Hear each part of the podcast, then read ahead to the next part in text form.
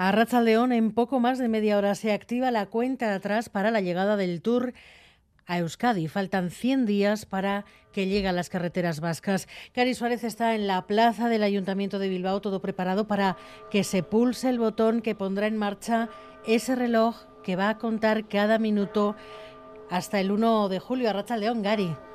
Arracha León, Aranza, bueno, pues sí, ¿eh? todo dispuesto aquí frente al Ayuntamiento de Bilbao para que den comienzo todos los actos. El maillot gigante al otro lado de la ría y el reloj oficial ya están a punto y la gente que pasa a sacar fotos, sobre todo los aficionados y las aficionadas al ciclismo, algunos tienen esperanzas de poder participar en el Tour.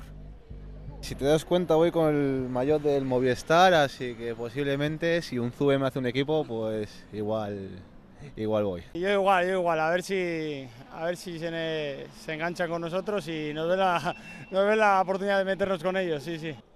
Bueno, hoy todo comenzará a y media con las actuaciones del trío Calacan y los coros de la Sociedad Coral de Bilbao y hemos hablado precisamente con el director de la sección infantil.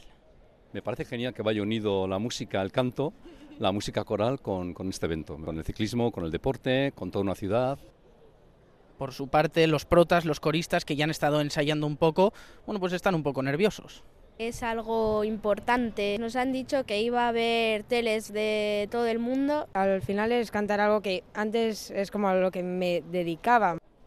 Y es que el tour es algo muy grande, incluso entre la gente que se ha acercado, que no es poca, muchos no alcanzan a comprender la dimensión de que el Tour de Francia vaya a salir de Euskadi. Yo mismo creo que no lo entiendo, pero me da la impresión de que lo voy a empezar a entender a partir de ahora. ¿no? Para unas dimensiones tremendas, sí, sí, sí. Hoy también se iluminarán edificios emblemáticos de la ciudad y a las siete y media, como decía, se activará el cronómetro que marcará que solo quedan 100 días para que el tour llegue a Euskadi. Bueno, pues volvemos contigo a las siete y media, Gary. Hasta luego. Quiero arte.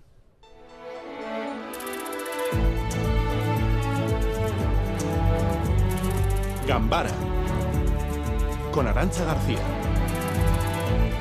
Y además, otras cosas del día, Ramón Tamames no ha sacado del gobierno a Pedro Sánchez la moción de censura que ha abierto oficialmente la campaña a las generales, ha concluido como se esperaba, Isaro Bazá.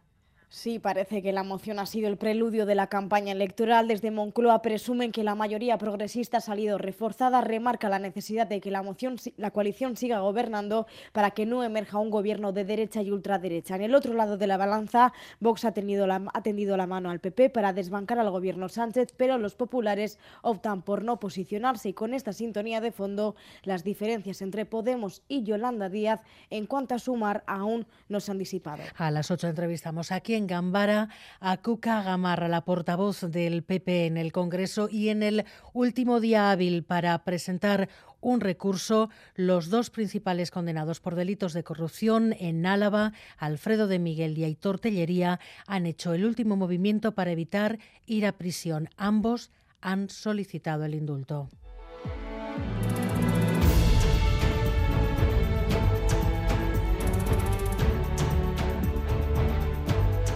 39 años después, un informe del Gobierno vasco califica como ejecución extrajudicial la muerte de cuatro militantes de los comandos autónomos en Pasaya.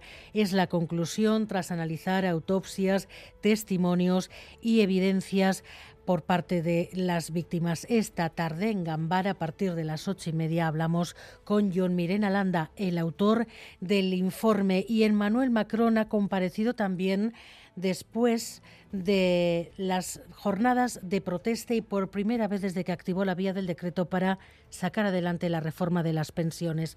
Una entrevista a horas de una nueva huelga general para decir que no va a dar marcha atrás. Ha llegado a comparar las protestas de estos días con el asalto al Capitolio.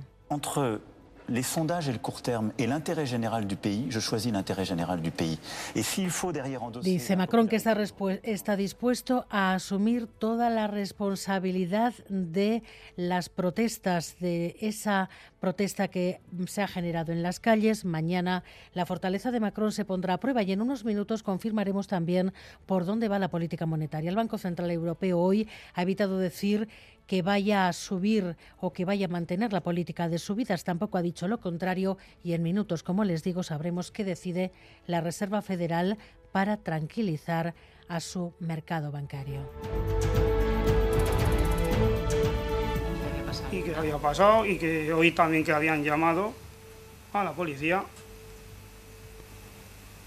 Esto le puede haber ocurrido.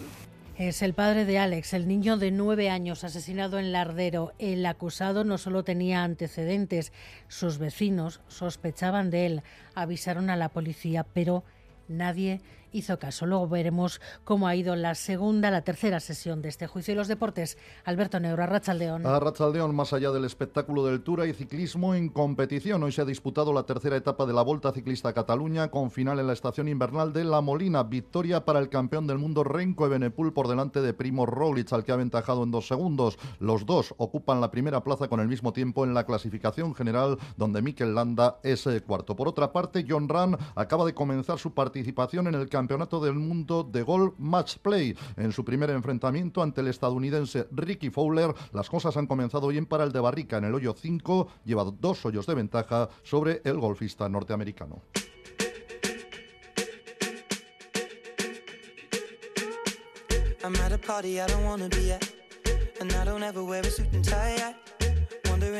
El Partygate le obligó a dimitir y ahora puede sacarla definitivamente de la política. Boris Johnson está siendo investigado por mentir al Parlamento sobre aquellas fiestas durante la pandemia. Por lo que hemos sabido, por lo que se ha sabido de su comparecencia, Johnson dice que no fue su intención. Eso de no decir la verdad, David Beramendi.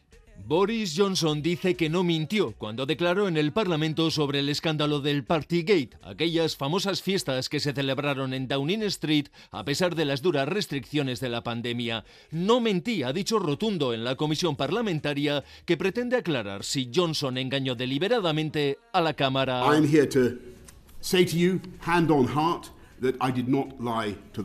Estoy aquí para decirles con el corazón en la mano que no mentí a la cámara.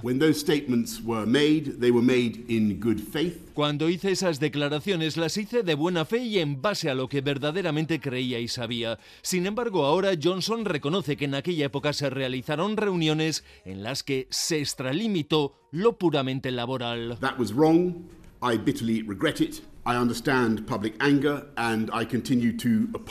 Estuvo mal, lo lamento, entiendo el enfado público y sigo pidiendo disculpas. Me hago completamente responsable, ha llegado a decir. Recordemos que si la comisión parlamentaria concluye que Johnson mintió a sabiendas, podría recomendar su inhabilitación. Podrían despojarle del escaño que ocupa en la actualidad.